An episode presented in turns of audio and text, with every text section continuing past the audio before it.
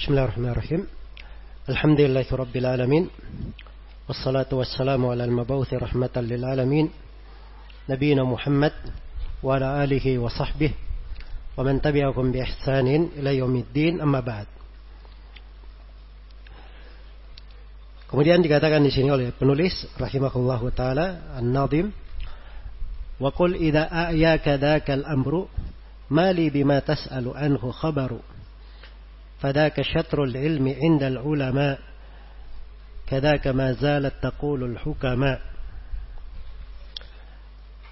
dan ucapkanlah kalau ada sebuah perkara yang berat kamu jawab kamu tidak mampu menjawabnya maka katakan saya tidak punya ilmu tentang apa yang kamu tanyakan iya ini beliau menyinggung tentang ucapan wallahu alam. Jadi kalau orang tidak tahu sesuatu, dia bilang Allahu alam. Allah yang lebih tahu. Atau dia katakan la adiri, saya tidak tahu. Dia katakan la adiri. Ucapan la adiri ini itu kata beliau dihitung seperdua ilmu. Dihitung seperti apa? Seperdua ilmu. Jadi kalau ada orang ditanya sesuatu dia tidak tahu, dia berkata la adri, nah itu dia dapat berarti dia di atas seperdua ilmu. Di atas seperdua ilmu. Iya. Dan ini datang dari sejumlah as-salaf. Ucapan ini dan terus menerus ahli hikmah mengucapkannya. Karena itu datang di ucapan-ucapan para aimah kalimat Wallahi mana diri. Seperti Imam Syafi'i ditanya tentang nikah mut'ah. Apakah ada talak, warisan dan sebagainya. Kata beliau, Wallahu, Wallahi la nadiri. Ya, kami tidak tahu.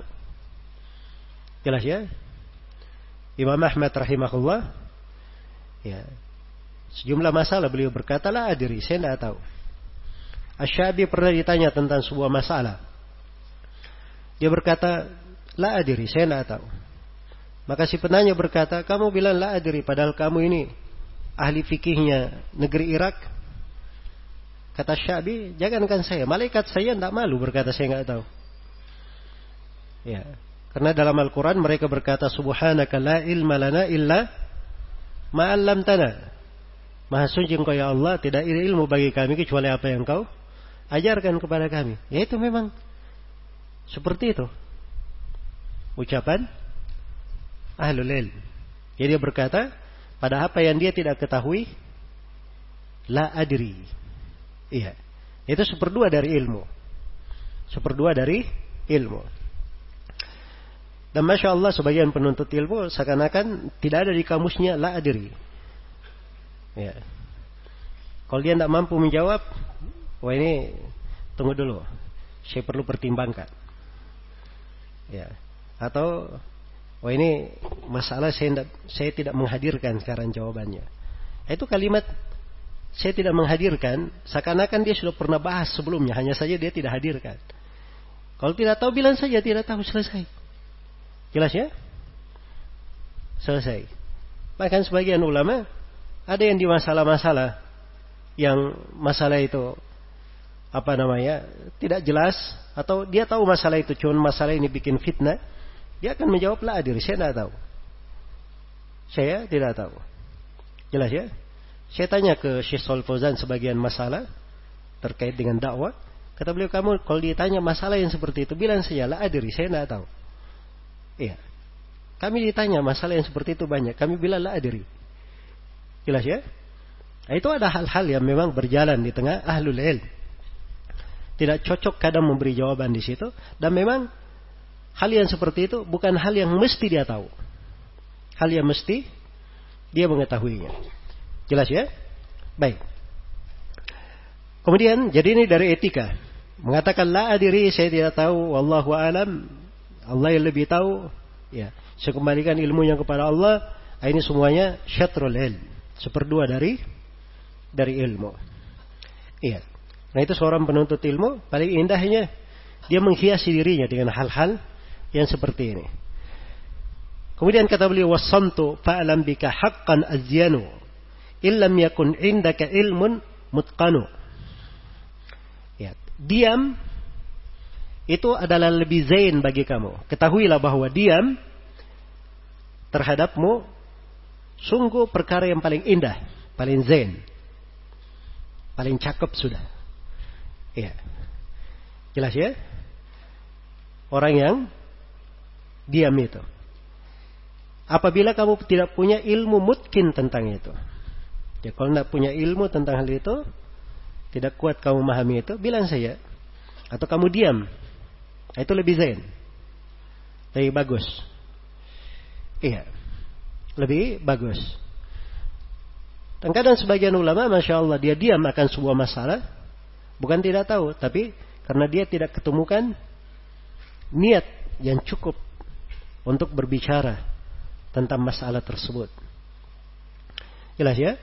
Sebagaimana Ibnu Rajab rahimahullahu taala, beliau pernah menguraikan sebuah masalah di tengah murid-muridnya, uraiannya luar biasa, menakjubkan. Nah, begitu hadir di majelis para fuqaha, diskusi di tengah para nah, ini majelis dulu ya, ada munadhar di tengah para fuqaha, Ibnu Rajab hadir di situ. Dan subhanallah masalah itu dibahas di majelis. Ya. Mendengar pembahasan orang-orang, si murid yang hadir ini, dia berkata, enggak ada yang lebih cakep daripada uraian guru kami. Ya si murid ini sudah menunggu gurunya bicara. Ternyata Ibnu Rajab diam-diam saja. Dia tidak bicara sampai akhir majelis. Begitu selesai majelis, muridnya datang. Dia berkata, masalahnya kenapa engkau tidak bicara? Kata Ibnu Rajab, saya tidak dapat niat yang besar. Yang membuat saya layak berbicara tentang masalah itu. Jadi dia perhatikan tentang keikhlasannya. Masuk di dalamnya. Jangan sampai dia berbicara hanya bangga dengan apa yang dia ketahui. Jelas ya? Makanya somt itu kadang zain bagi seseorang. Bagus bagi seseorang. Karena itu beliau ingatkan setelahnya, Iyaka wal ujuba bifadli ra'yika wahdar jawab al-qawli min khata'ika. Ya. Bisa khata'ika, enggak ada masalah ya, bisa. Apa apa namanya? Uh, enggak, khata'ka ya. Sebab khata yakhta'u khata'an, khata'an dua dua masdarnya. Bisa khata'an, bisa khata'an. Jelas ya? Untuk wazan di sini cocoknya dipanjangkan. Khata'ika supaya di atas wazan mafailun supaya seimbang timbangan syairnya. Kata beliau, iya kawal ujuba bifadli ra'yika. Hati-hati kamu dari merasa bangga dengan uh, keutamaan pendapatmu. Wahdar dan hati-hati. Jawab al-qawli min khata'ika. Hati-hati kamu. Dari jawaban sebuah masalah yang itu berasal dari kesalahanmu. Itu berasal dari kesalahanmu. Nah, di sini beliau ingatkan dua hal. Hal yang pertama, jangan ujub. Jangan merasa bangga. Iya. Seorang itu kalau dia membahas apa pun, dia telah bersusah payah membahas apa pun, jangan dia merasa bangga dengan apa yang dia sudah bahas. Ya. Karena Allah berfirman, "Wa fawqa kulli di ilmin alim." Di atas setiap orang yang berilmu ada yang lebih berilmu lagi. Di atas setiap orang yang berilmu ada yang lebih berilmu lagi. Ya kalau orang Indonesia bilang di atas langit ada apa? Ada langit. Ya. Ini bahasa Al-Qur'annya ya, di atas setiap orang yang berilmu ada yang lebih ada yang lebih berilmu lagi. Karena itu jangan kamu merasa ujuk dengan pendapatmu merasa bangga. Dan ini penyakit ya pada seorang penuntut ilmu bukan adab pada seorang penuntut ilmu. Dia bangga dengan apa yang dia jawab, apa yang dia pandang. Baik. Kemudian yang kedua beliau ingatkan hati-hati kalau sudah menjawab sebuah jawaban ternyata itu adalah kekeliruan dari dirimu. Iya. Hati-hati. Kalau seorang keliru dalam memberi jawaban, apalagi ini masalah jawabannya bersifat umum, mencakup banyak orang, nah ini lebih besar lagi masalahnya ya. Lebih besar lagi masalahnya. Kadang satu orang saja kita jawab, masalahnya besar kadang. Satu orang ini subhanallah. Diberi jawaban. Ternyata jawaban untuk satu orang ini membuat dia binasa. Iya. Nah, itu luar biasa. Karena itu beliau ingatkan, kam min jawabin aqaman nadamah fagtanmi samta ma'as salama. Betapa banyak dari jawaban setelahnya adalah penyesalan. Betapa banyak dari jawaban setelahnya beririm penyesalan.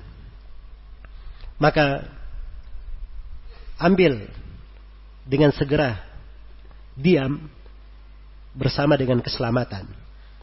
Jadi maksudnya seorang itu lebih banyak diam, itu lebih cenderung dia selamat. Lebih cenderung dia apa? Dia selamat. Dia diam, keselamatannya lebih banyak daripada dia menjawab dengan harapan dia selamat. Dengan harapan dia apa? Dia selamat. Iya.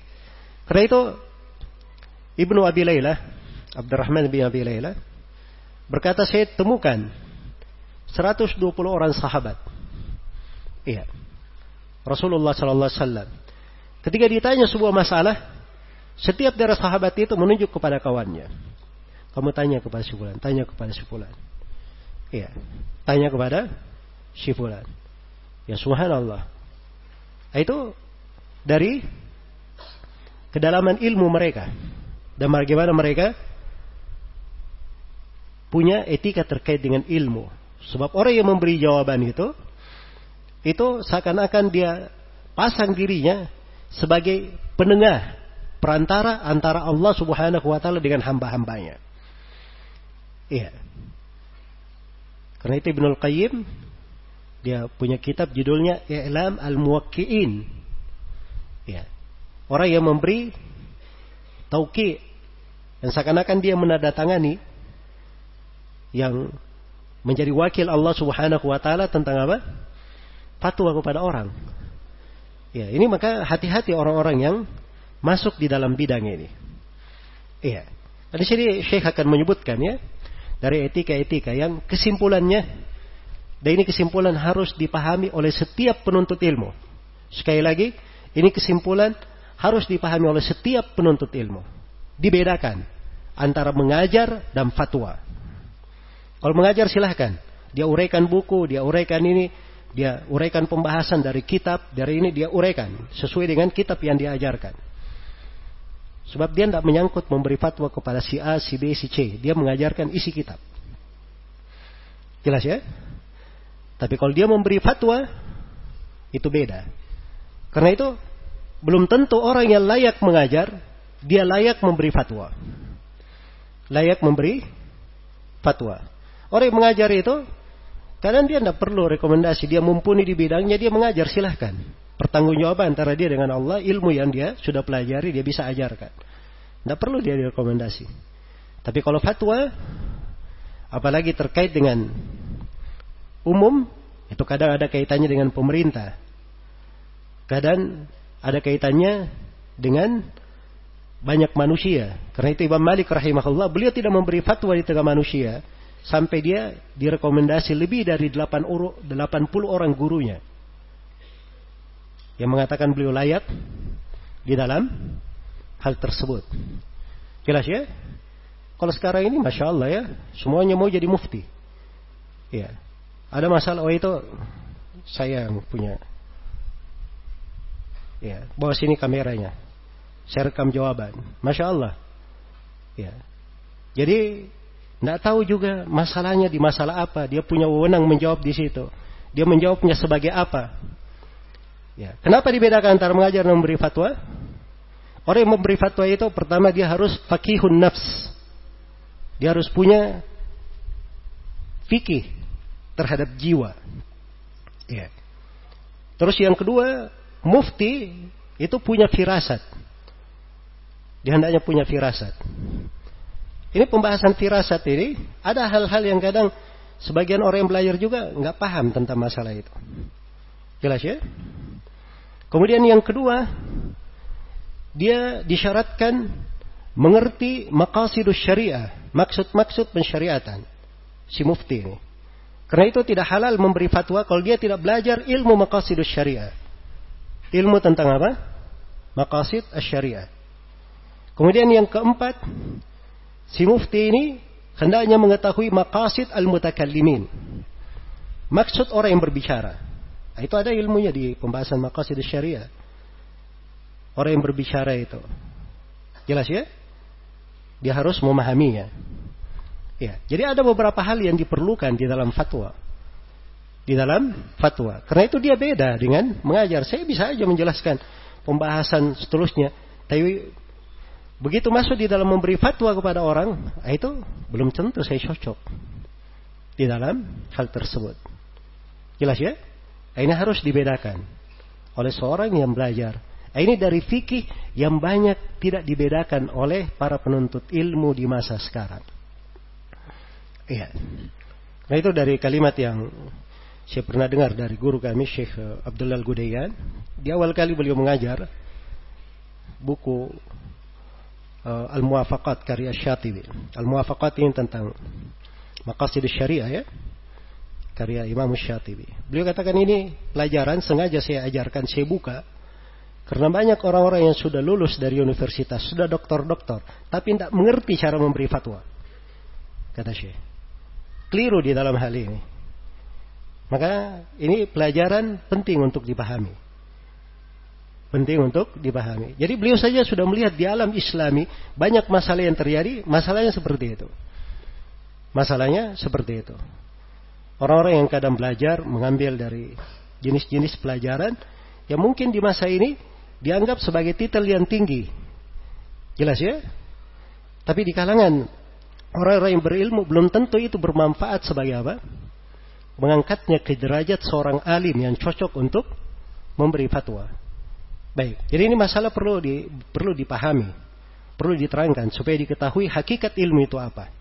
Jangan seorang berbicara tentang ilmu bukan pada tempatnya, bukan pada bidangnya, bukan pada wewenangnya, tidak bisa membedakan tingkat-tingkat ilmu dan batasan-batasannya. Baik. Kemudian kata beliau rahimahullah, beliau berpindah menjelaskan di sini tentang luasnya ilmu. Kata beliau, "Al-ilmu bahrun muntahahu yab'udu, laisa lahu haddun ilaihi yuqsadu." Wa laisa kullu al-ilmi qad hawaitahu ajal walal usyra walau ahsaitahu. Iya.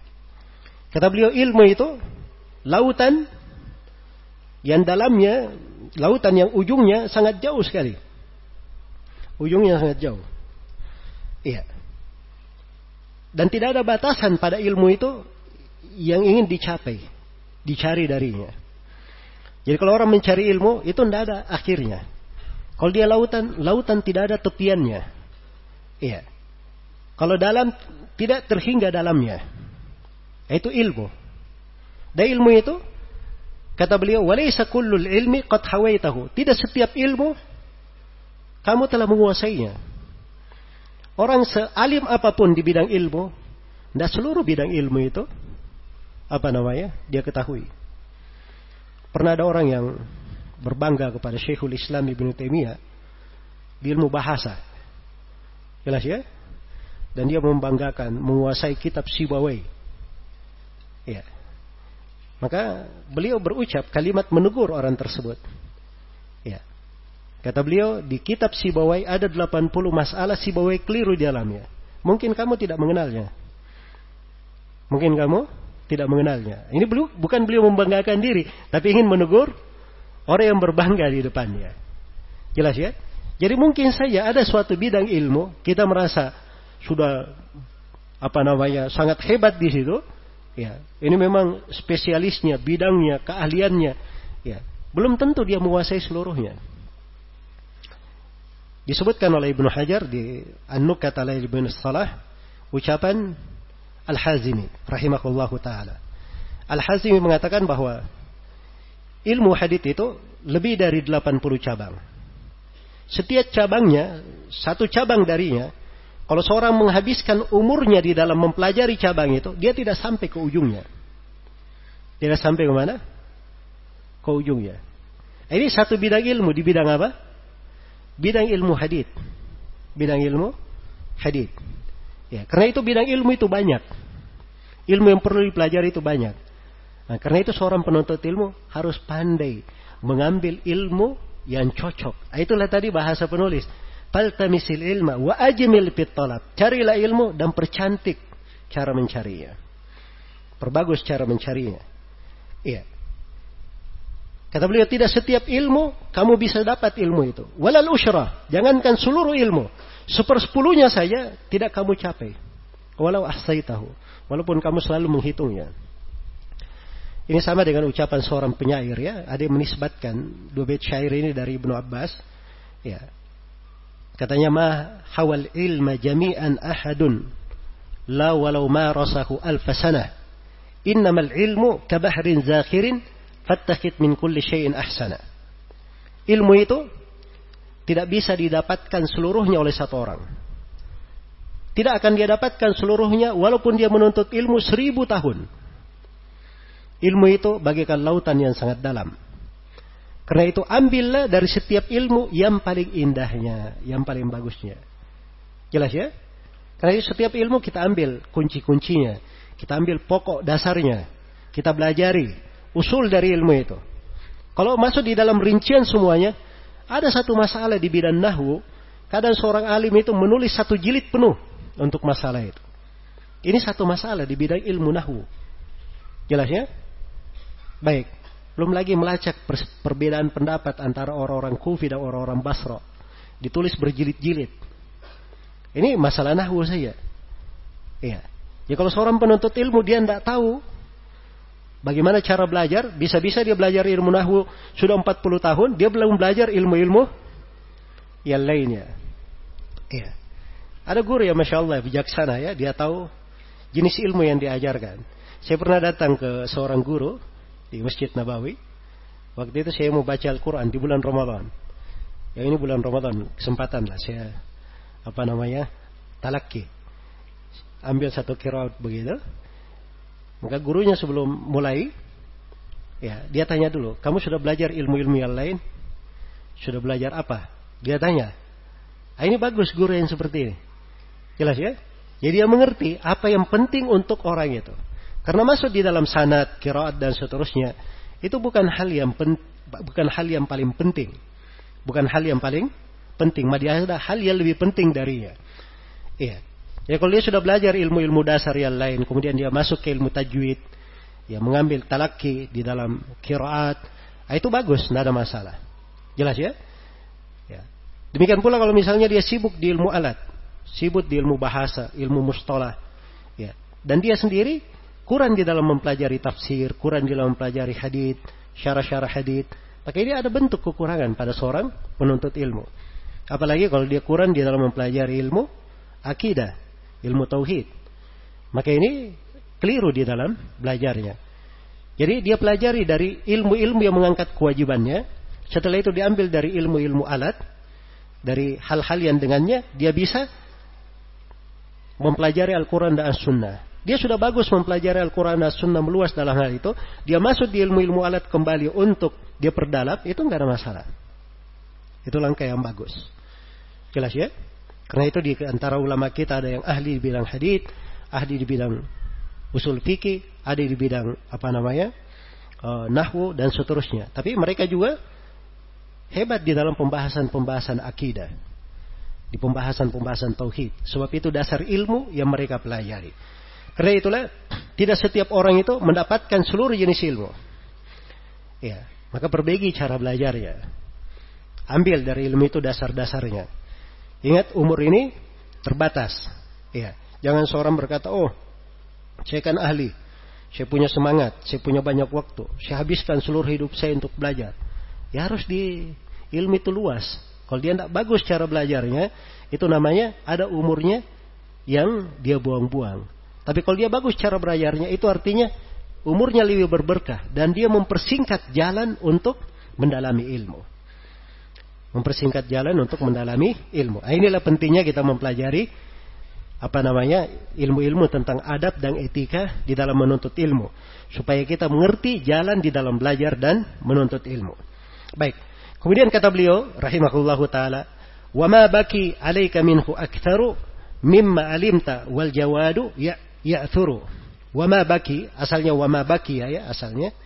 Cuma di situ harus disukun karena Timbangan syairnya harus seperti itu.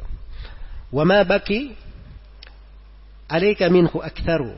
Apa yang tersisa dari ilmu itu yang belum kamu pelajari, ya, yang yang kamu tidak ketahui itu lebih banyak dari apa yang kamu mimma alimta, apa yang kamu sudah ketahui.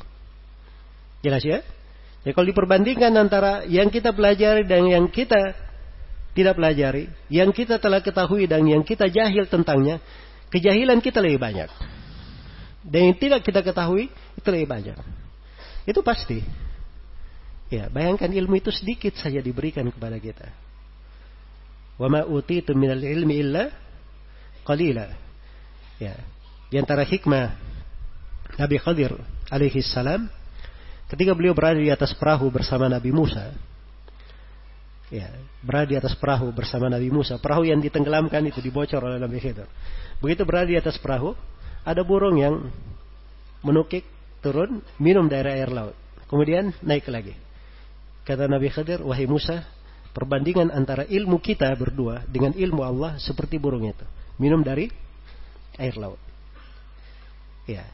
Artinya ilmu itu yang dimiliki oleh Nabi Musa dan Nabi Khidir tidak ada apa-apanya dibanding ilmu Allah. Ini burung ini dia minum satu jam pun mengurangi air laut atau tidak? Tidak mengurangi sama sekali. Apalagi cuma mengambil sedikit naik. Nah, itu ilmu. Ini para nabi ini berbicara tentang ilmu mereka. Bagaimana pula dengan kita? Bagaimana pula dengan kita? Selain daripada itu, wal jawadu ya'thuru. Orang yang ahli pun itu pasti ada ketergelinciran. Ya, seahli apa pun dia, pasti ada ketergelincirannya. Sehebat pun, sehebat apa pun seorang, pasti ada kekeliruannya. Ada kekeliruannya. Karena itu kata Yahya bin Ma'in, kalau ada yang berkata dari seorang rawi, dia tidak pernah keliru, maka pahuwa kadab, dia pasti pendusta. Tidak ada rawi yang tidak keliru. Dia sampai di tingkatan level apa pun ada kekeliruannya. Karena itu Imam Malik rahimahullah itu ada kekeliru-keliru di dalam beberapa riwayat. Dikumpulkan oleh Ad-Darqutni dalam satu risalah tersendiri. Kekeliruan Imam Malik dalam sebagian riwayat. Imam Al-Bukhari ada kekeliruan dalam sebagian nama. Ya, ditakib oleh Abu Hatim Abu Zur'ah dari nukilan siapa? Ibnu Abi Hatim. Setelah itu datang Al-Khatib Al-Baghdadi melihat bahwa yang mengeritik Abu Hatim Abu Zur'ah yang mengeritik Al-Bukhari juga ada kekeliruan. Datanglah Al-Khatib Al-Baghdadi dia tulis buku tersendiri lagi. Mudi apa namanya Iham. Al-Jama' wa Tafriq kalau nggak salah begitu judulnya. Ini kritikan lagi. Jelas ya? Jadi ilmu itu seperti itu. Ya. Orang yang seahli apa pun itu pasti ada kekeliruan di dalamnya. Ya, pasti ada ketergelinciran. Ada kekeliruan. Ya. Ada kekeliruan. Jadi al-jawadu ya'thuru. Orang yang ahli pun Pasti apa? Pasti ada ketergelinciran. Ya. Kata orang Indonesia, setape sepandai-pandai tupe melompat, apa? Pasti akan jatuh juga. Nah, itu peribahasa sama ya, mirip dengan ini. Al-jawadu ya suruh.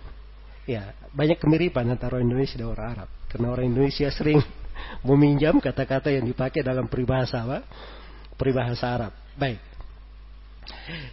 Ya, jadi kalau antum kumpul satu risalah khusus, satu tesis khusus, ya peribahasa Indonesia yang diambil dari orang Arab, nah itu banyak itu nanti muncul. Ya, bisa jadi satu buku sendiri. Baik. Kemudian kata beliau, "Fakun lima sami'tahu mustafhima in anta la tafhamu minhul kalima." Ya. Berikutnya dari etika, jadilah kamu terhadap apa yang kamu dengar mustafhima. Ya, minta dipahamkan. In anta la tafhamu minhul kalima. Kalau kamu tidak memahami kalimatnya. Jadi kalau ada kalimat yang kalimat-kalimat dalam hadis yang tidak dipahami, uh, ditanyakan, tidak apa-apa bertanya, tapi pertanyaannya mustafhima, orang yang minta dipahamkan. Jangan bertanya seakan-akan mau ngajak berantem ke gurunya. Jelas ya? Atau dia bertanyanya, masya Allah, sebagian penuntut ilmu itu, ya, ditanya sama gurunya diperlihatkan Syekh ini ada kertas coba antum baca gimana pendapat antum. Kata Syekhnya kamu sudah baca semuanya? Ya kata si murid saya belum baca semuanya. Saya baru baca ini cuman uh, coba dilihat oleh antum. Kata Syekhnya kamu aja dulu baca dulu semuanya. Kata si murid saya tidak punya waktu untuk membaca semuanya. Ya masya Allah. Jadi dia kasih gurunya seakan-akan gurunya banyak waktu dia nggak ada waktu. Ya Jelas ya? Ini secara tidak langsung sudah apa? Sudah menjelekkan guru. Nah, itu nggak bagus hal-hal yang seperti itu. Itu dan subhanallah hal yang seperti ini terjadi juga di majelis sebagian apa? Sebagian masyai. Jadi kadang ya seorang penuntut ilmu itu kalau dia bertanya, pertanyaannya dia menghargai si guru. Ya minta untuk dipahamkan. Minta untuk dipahamkan. Ya karena itu bahasa-bahasa yang dia pakai bagus. Dia berkata kepada gurunya, "Ahsanallahu ilaik." Semoga Allah berbuat baik kepada engkau wahai guruku. Ini mungkin sebagian hal saya nggak pahami. Bagaimana cara memahamkannya, cara saya memahaminya. Nah, itu dia pakai bahasa-bahasa yang seperti itu. Tapi kalau datang kepada gurunya, tadi Pak Guru kamu bilang begini. Kayaknya ini nggak begini ininya. Ya harusnya begini. Ah, Masya Allah. Ya. Berarti dia harusnya ganti posisi. Dia duduk di atas kursi, gurunya di bawah. Ya. Kan begitu. Ya. Itu etika memang dijaga, adab seperti itu di kalangan para ulama. Di antara hal yang menakjubkan ya Abu Ishaq Ash-Shirazi, salah seorang ahli apa namanya usul fikih terkenal. Ya, dia masyhur, populer, duduk di tengah murid-muridnya. Ada seorang murid yang ahli di bidang bahasa, dia punya menulis kitab di sebuah pembahasan bahasa. Suatu hari Abu Ishaq Ash-Shirazi ingin mempelajari buku itu. Maka dia minta muridnya supaya mendatangkan bukunya. Iya. Maka si murid ini datang bawa bukunya, maka Abu Ishaq memegang buku itu. Dia berkata kepada muridnya, kamu duduk di kursi. Dia suruh si murid duduk di mana? Di kursinya. Kemudian dia duduk di bawah. Ya, ini si murid sudah gemetar. Ya. Jelas ya? Dan memang dia lebih ahli di bidang itu. Maka Abu Ishaq Syirazi pun kayak seorang murid bertanya kepada muridnya. Nggak ada, nggak ada menunjukkan bahwa dia guru. Ya, jelas ya? Itu etika dan adab memang dipahamkan. Harus seperti itu di dalam di dalam belajar agar ilmu itu berberkah dan seorang menempuh ilmu itu sebagaimana mestinya. Baik. Kemudian dikatakan al-qaulu qaulani fa qaulun ta'kiluh wa akharun ini juga sama ya wa akharun tasma'uhu akharun tasma'uhu fatajhalu. Ucapan itu ada dua jenis. Kalau ada orang yang berucap, bertanya sesuatu, eh, apa yang ditanyakan itu ada dua. Ada pertanyaan yang mungkin kamu bisa pahami. Ya, bisa dipahami. Tak kilo.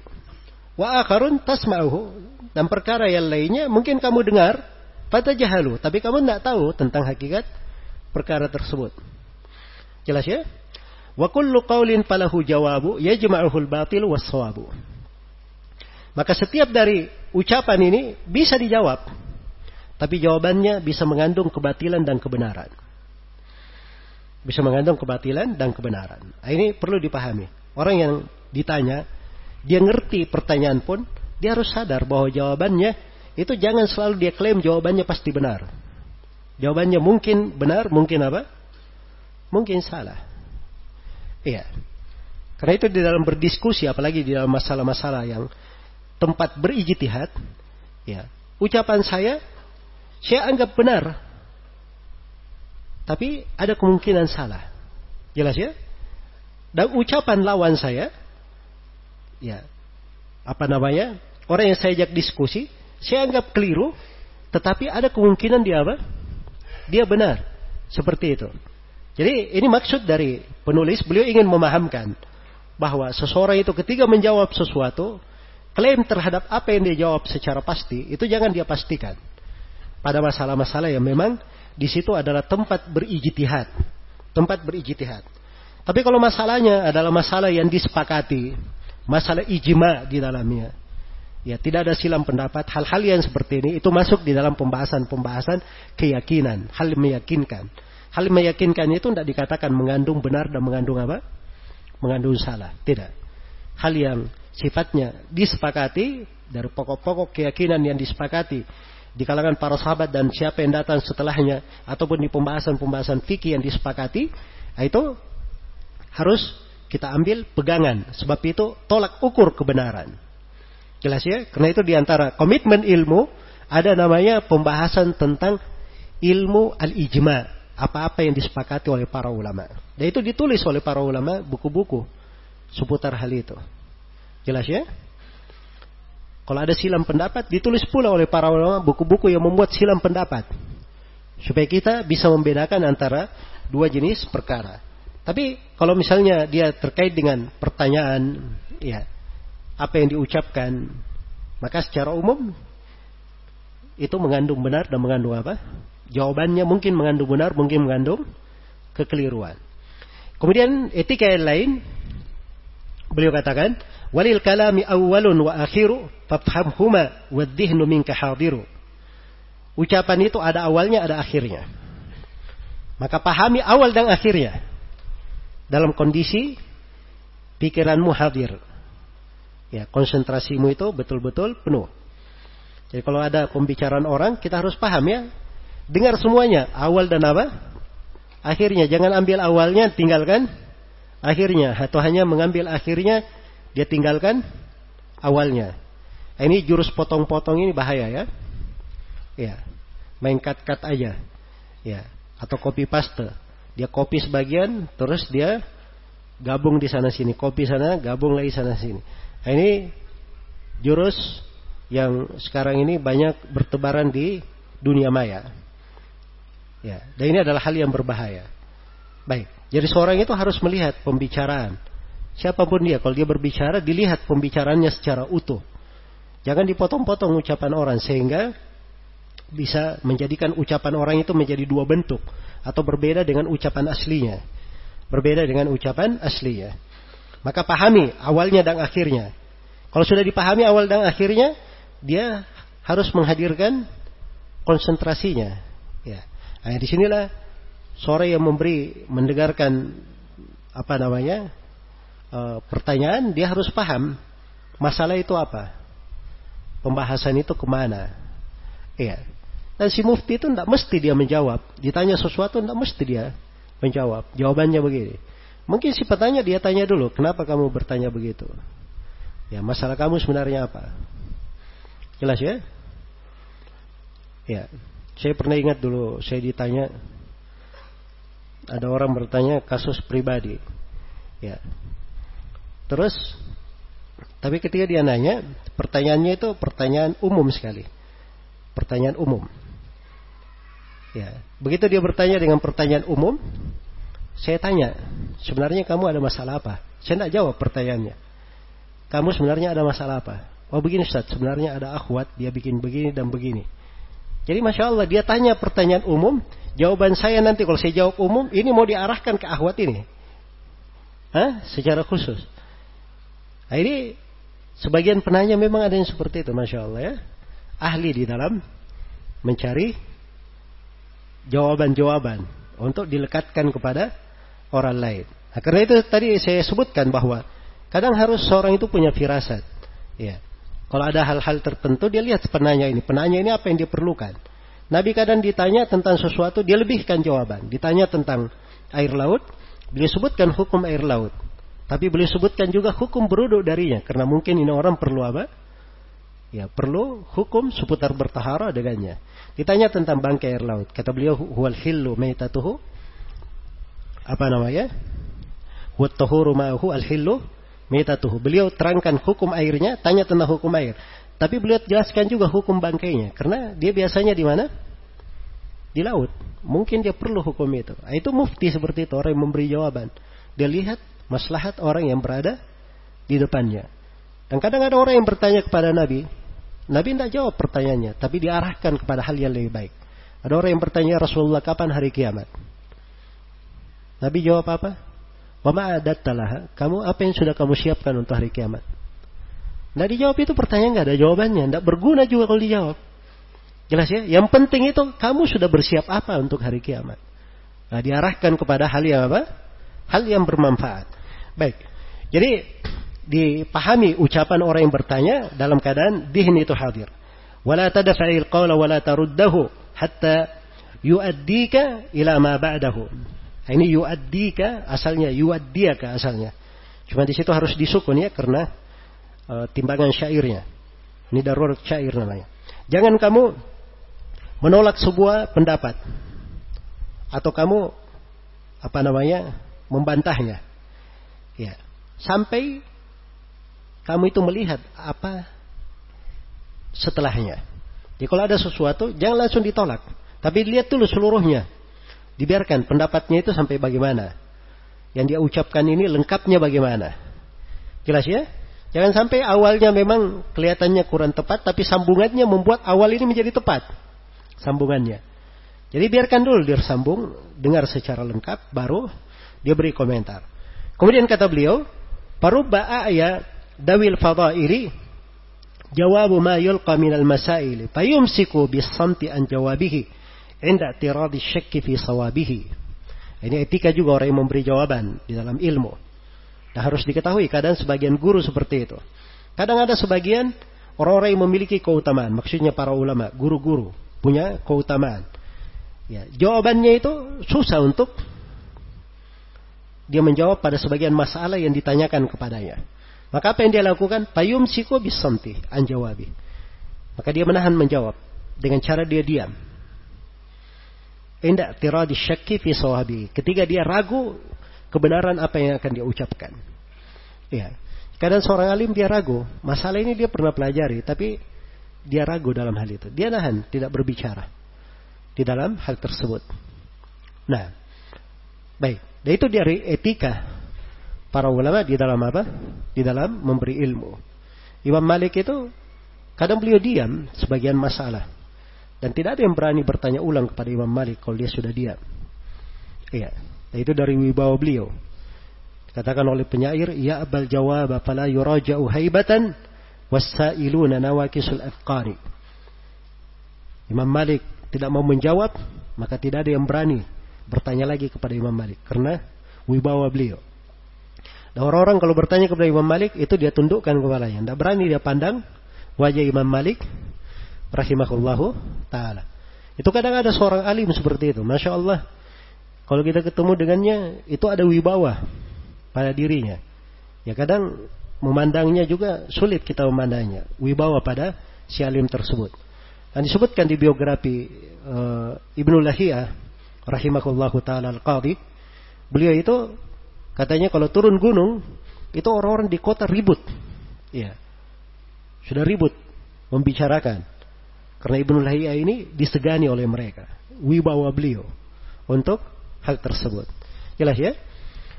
Nah itulah tipikal para ulama. Ada yang seperti itu. Ada ulama yang kadang kalau seorang berjumpa dengannya, masya Allah dia tenang. Dia bisa bertanya apa saja. Dia bisa bertanya apa saja.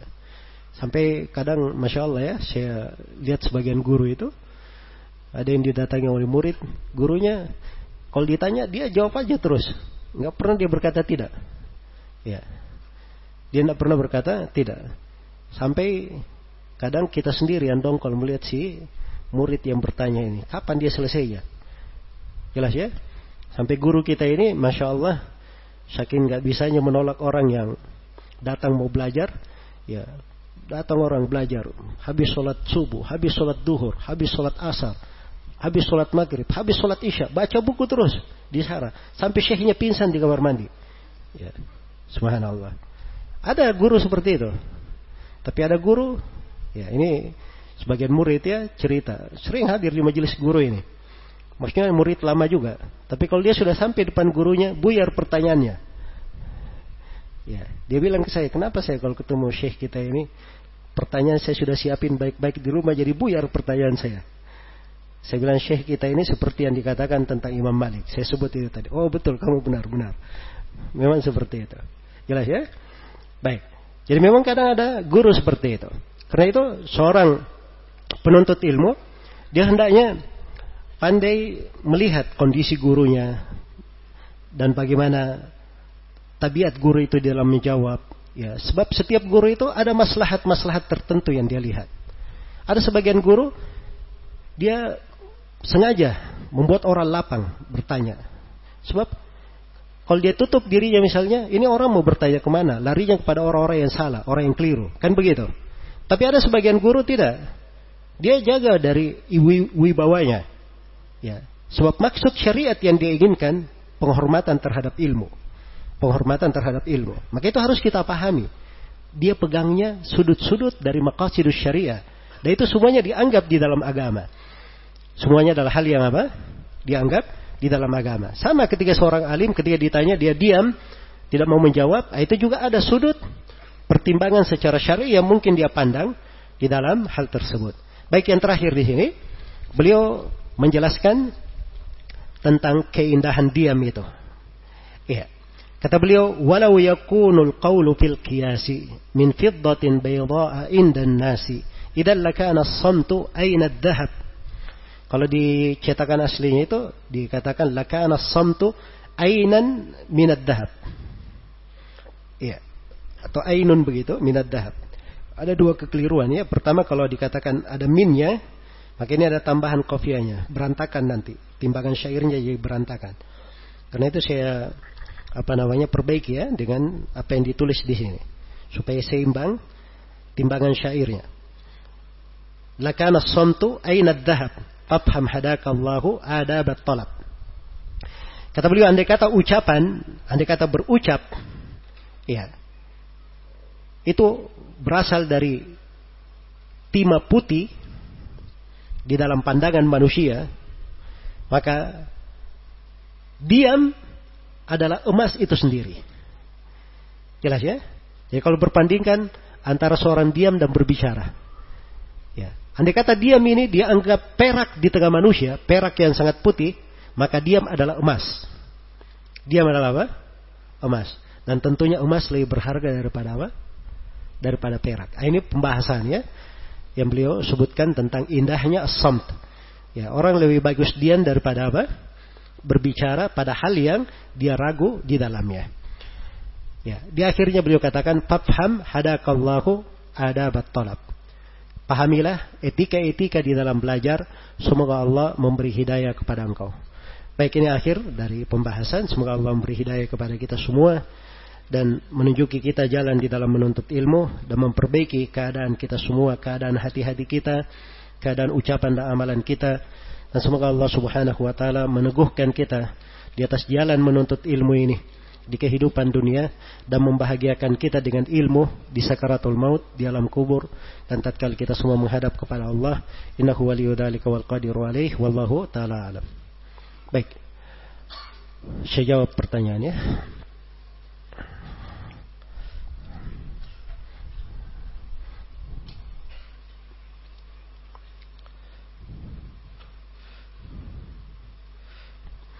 Bagaimana mengajarkan adab kepada keluarga di rumah, khususnya pada anak-anak yang masih kecil-kecil. Ya kadang di dalam mengajarkan adab itu dengan praktek itu lebih mengena daripada apa? ucapan. Iya. Jadi kadang seorang ayah itu dia perlu mau mengajarkan suatu adab, dia duduk khusus dengan anaknya. Misalnya mau makan, dipanggil anaknya makan. Terus dia tunjukin. Ini kalau mau makan, saya baca bismillah dulu. Kemudian kita makan pakai tangan kanan. Kalau dia mau tunjuki makan menggunakan tiga jari, dia tunjukkan. Setelah makan dia jilat tangannya, dia tunjukkan. Jelas ya? Dengan praktek itu lebih apa? Lebih mengena. Itu kaidah umum di dalam adab dan etika.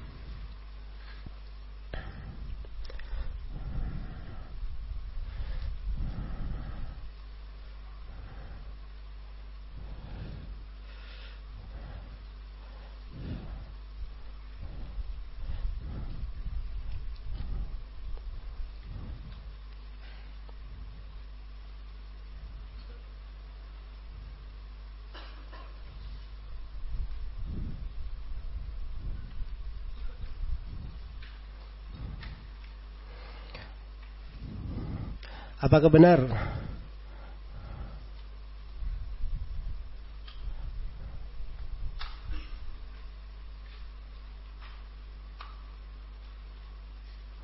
Allah meninggikan derajat seorang penuntut ilmu? Ini mungkin saudara kita baru hadir ya di majelis.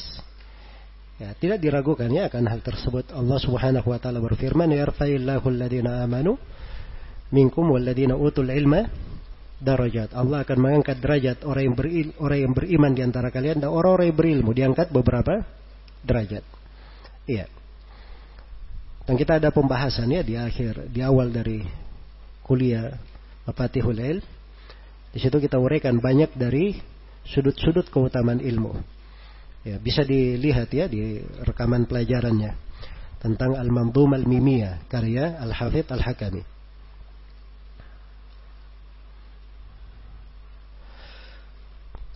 Apakah termasuk adab dalam menuntut ilmu seorang harus mempelajari fikih madhab penduduk negeri ya?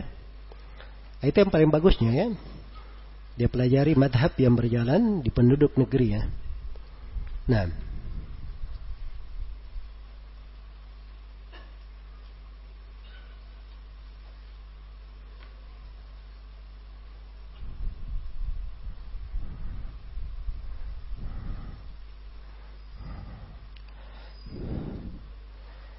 Tadi Ustadz baru menjelaskan dua goror dari empat goror yang diperbolehkan. Mohon dijelaskan. Yang mau pelajari sekarang atau nanti ada pembahasan khusus itu? Ya, rencana memang saya mau beri pelajaran khusus tentang fikih muamalah. Jadi sudah disebutkan tadi katanya goror yang sedikit, kemudian kedua goror yang ada maslahat umum yang sifatnya taumul balwa. Yang ketiga ada namanya syaqqat taharruzu minhu, sulit untuk dihindari. Dan yang keempat, hal yang diperkecualikan dalam syariat. Sesuatu yang diperkecualikan di dalam syariat.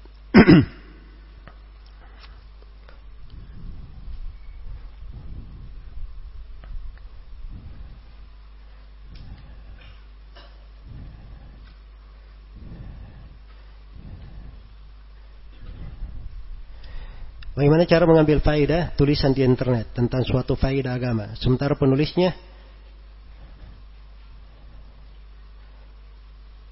tidak dikenal sebagai dai. Apakah boleh mengambil apakah boleh bila ikhwah yang menulis di Moroja atau oleh ustadz yang berkompeten dalam menulis kitab sebagai kata pengantar.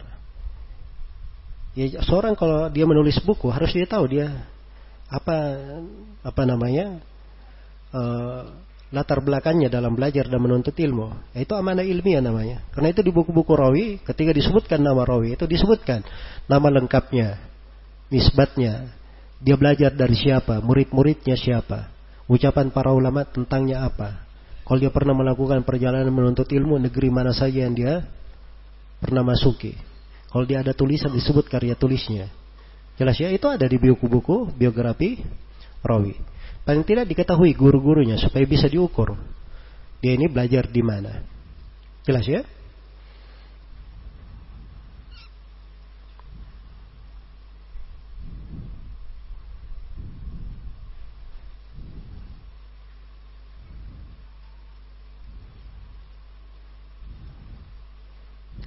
Bolehkah kami para murid membuat majelis khusus untuk mengulangi materi dari para ustadz?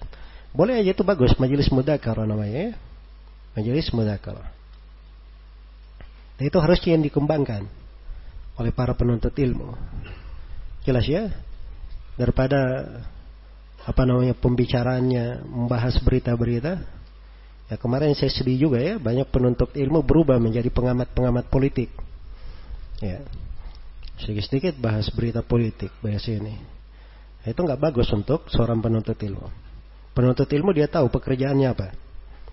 Baik.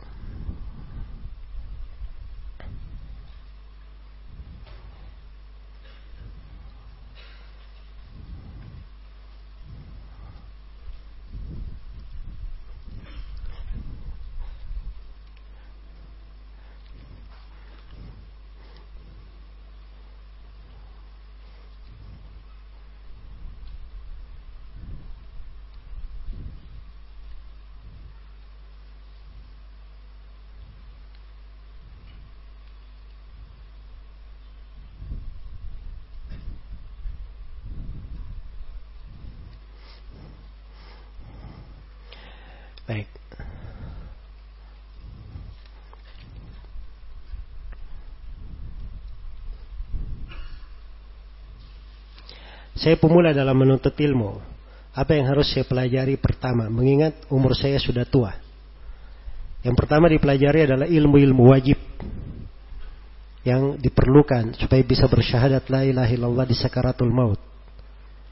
Ilmu yang diperlukan supaya bisa menjawab pertanyaan malaikat di alam kubur ilmu yang diperlukan sehingga bisa menjawab pertanyaan Allah di hari kiamat. Nah, itu ilmu wajib namanya dipelajari. Jelas ya? Nah, itu sudah kita bahas.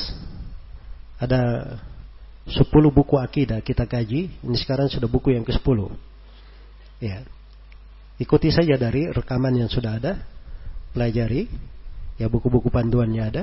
Kalau ada hal-hal yang kurang jelas bisa ditanyakan nanti. Jelas ya pada hal-hal yang di kurang jelas. Baik. Kemudian bagi kawan-kawan yang apa namanya ikut di dalam program, tolong diikuti kalau ada uh, ujian-ujian, kita kan buatkan ujian itu diikuti ujiannya. Dan itu membantu untuk apa? Memahami apa yang dipelajari sekaligus mengulangi materi pelajaran. Di sini sudah pernah ada ujian? Oh belum ya, baru di Makassar ya. Baik, sudah ada beberapa kitab ya. Nanti sebentar lagi di sini. Siap-siap aja.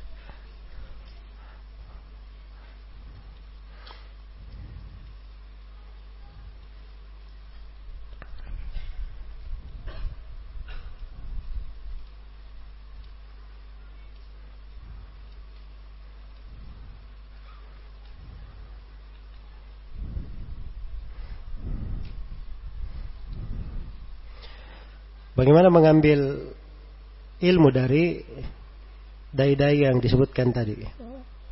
Orang-orang yang tergesa-gesa tersebut. Ini saya nggak menyinggung dai-dai ya, saya menyinggung perilaku orang-orang yang tergesa-gesa. Ya. Kekeliruan yang kita singgung, bukan orangnya. Kekeliruan. Bukankah nanti akan memberi pengaruh buruk kepada orang-orang yang belajar kepadanya? Ini kekeliruan ya diingatkan. Jelas ya. Kalau mengambil dari seorang guru, padahal yang merupakan kapasitas dia, apa yang dia kuasai pada wewenangnya untuk menyampaikan gak ada masalah. Tapi kalau si guru ini ngambil di hal yang bukan wewenangnya, dia bicara tanpa ilmu, jangan diikuti di dalam hal yang seperti itu. Sepanjang dia masih ahli sunnah. Baik.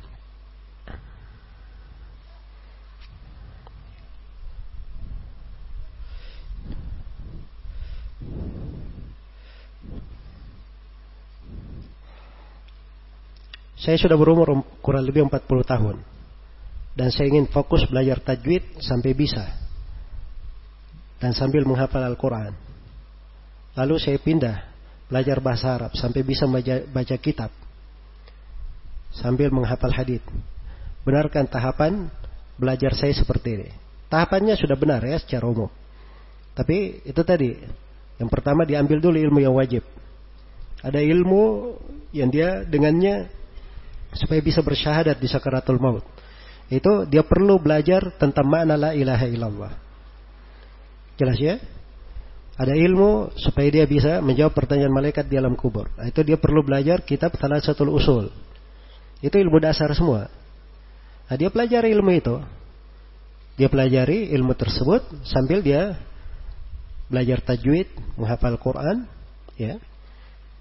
Setelah itu bisa bahasa Arab, ini insya Allah Ta'ala nanti setelah akidah wasitiyah kan kita ada program satu eh, panduan ringkas dalam nahu dan sorof yang gunanya semua peserta nantinya harus bisa baca kitab. Iya. Gimana targetnya bagus atau tidak? Atau terlalu berat? Siapa tahu ada yang takut-takut lagi sini. Hah? Ya insya Allah mudah. Kita akan berikan buku panduan ringkasan nahwu sorof ya dalam uh, untuk tujuh hari selama lima hari pertemuan dua hari untuk latihan membacanya. Insya Allah bisa. Jelas ya? Baik. Ya, kalau sudah bisa baca kitabnya nah itu sudah panduan ya baca kitab. Sisa sudah ada kitab kan kita bahas. Itu prakteknya namanya prakteknya. Nanti setelah itu ada buku-buku nahwu lebih bagus misalnya lebih lengkap lagi tahapan setelahnya, kita akan berpindah di tahapan berikutnya, bismillah di program yang lain.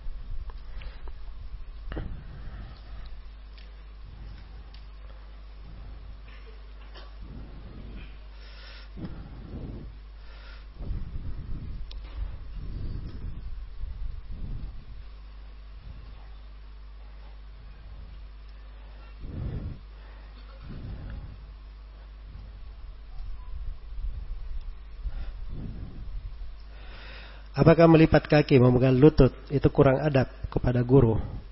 Atau harus bersabar? Enggak ya, enggak ada masalah kalau kalau dia perlu itu enggak ada masalah. Jelas ya? Kalau dia perlu itu nggak ada masalah. Karena seorang duduk itu kadang dia perlu menggerakkan kakinya, dia perlu ambil nafas dan seterusnya. Itu nggak ada masalah. Ya pernah Nabi Shallallahu Alaihi Wasallam berucap sesuatu dan waktu itu beliau agak marah karena sebagian orang bertanya bukan pada tempatnya. Maka disebutkan dalam dalam riwayat maka Umar ibn Khattab memeluk kedua kakinya. Lalu beliau berkata, Radhi Nabillahi Rabban, wabil Islami dinan, wabi Muhammadin Rasulah. Nabi pun tenang dengan hal tersebut. Baik, jadi itu perubahan posisi ya. Itu dilakukan boleh saja kalau ada keperluan.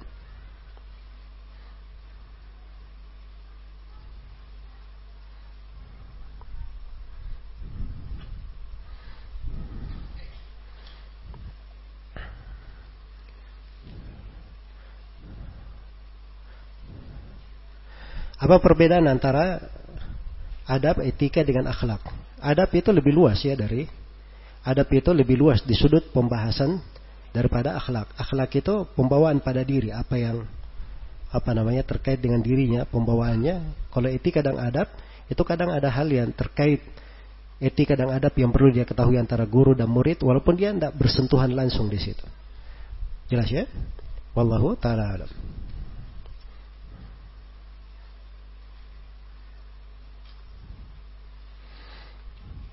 Bolehkah kita belajar bersama ahlul bidah? Nah, ini saya nggak paham ini mana bersama ini. Bersama bermana dia belajar kepada guru ahli sunnah, tapi juga ada ahlul bidah yang belajar sama sama dia. Kalau itu nggak ada masalah ya sepanjang gurunya ahli sunnah. Tapi kalau yang dimaksud dia belajar kepada ahlul bidah, nah itu bukan dari metode belajar. Belajar itu harus mengambil dari ahli sunnah. Karena ahlul bidah tidak diambil ilmu dari mereka menurut kesepakatan ulama.